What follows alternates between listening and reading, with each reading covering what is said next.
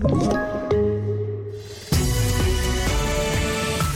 TV4-nyheterna börjar med att en man har anhållits i sin frånvaro misstänkt för den kraftiga sprängningen i Göteborg. Den anhållne är på sannolika skäl misstänkt för allmänfarlig ödeläggelse och fortfarande på fri fot. Samtidigt meddelar polisen att det i nuläget inte finns något som tyder på att sprängningen har kopplingar till gängkriminalitet.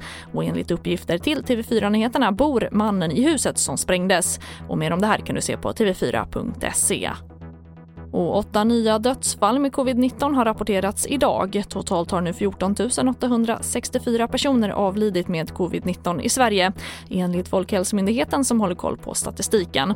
Drygt 6,5 miljoner personer har fått två doser vaccin i Sverige vilket motsvarar 76,9% av befolkningen över 16 år.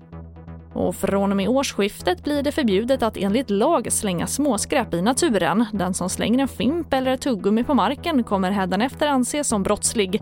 Det meddelar regeringen i ett pressmeddelande. Straffet för ringa nedskräpningsförseelse kommer vara 800 kronor i böter.